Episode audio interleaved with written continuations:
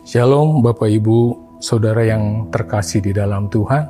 Bagaimana kabarnya? Saya harap Bapak Ibu tetap dalam keadaan sehat, taati protokol kesehatan, dan tentunya tetap berdoa kita berharap kepada Tuhan.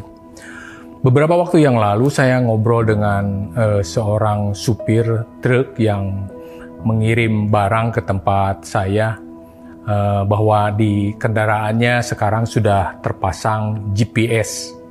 Sehingga apa keuntungan buat dia? Keuntungannya kendaraan tidak usah kembali ke garasi tempat uh, yang punya kendaraan, tetapi sekarang boleh dibawa pulang asal ada tempat menyimpan kendaraannya. Lalu apalagi keuntungannya katanya?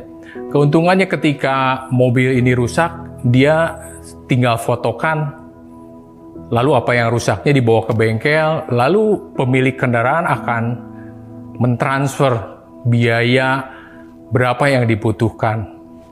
Kalau Bapak Ibu jadi supir truk, kira-kira merugikan atau menguntungkan buat kita? Semua segala sesuatu menjadi lebih mudah jadi tidak usah kembali lagi ke garasi, bisa dibawa pulang. Lalu ketika uh, mobilnya rusak, cukup difoto saja, cari bengkel, dipercaya. Ketika kita melakukan kejujuran akan rasanya sangat mudah. Sangat lebih senang daripada di zaman sebelumnya sebelum dipasang GPS.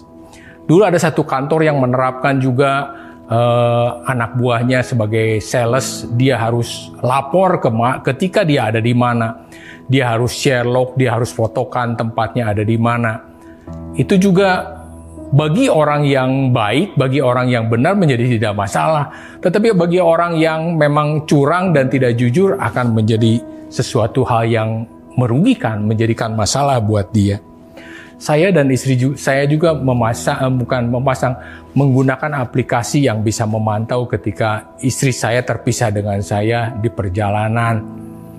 Dia pergi ke pasar, saya bisa tahu, saya bisa melihat keadaannya di mana, dia di perjalanan kecepatan berapa, uh, dia ada di mana, lokasi mana sudah dekat atau masih jauh, saya bisa mengetahuinya. Kita pun harus menyadari bahwa kita semua juga dipantau oleh Tuhan. Amsal 5 ayat 21 dikatakan, karena segala jalan orang terbuka di depan mata Tuhan dan segala langkah orang diawasinya. Kita dipantau, kita diawasi, kita harus menyadari itu bahwa kita senantiasa diawasi oleh Tuhan yang punya kuasa melakukan segalanya. GPS bisa rusak, kuota bisa habis, segala sesuatu bisa terputus ketika kita hanya menggunakan metode yang ada di dunia ini. Tetapi Tuhan tidak pernah tinggalkan setiap saudara dan saya. Dia tidak pernah tidak mengawasi, dia tidak pernah tidur. Terjemahan yang lain dikatakan karena jalan-jalan manusia nyata di hadapan mata Allah dan ia memperhatikan setiap langkahnya. Setiap langkah kita diperhatikan.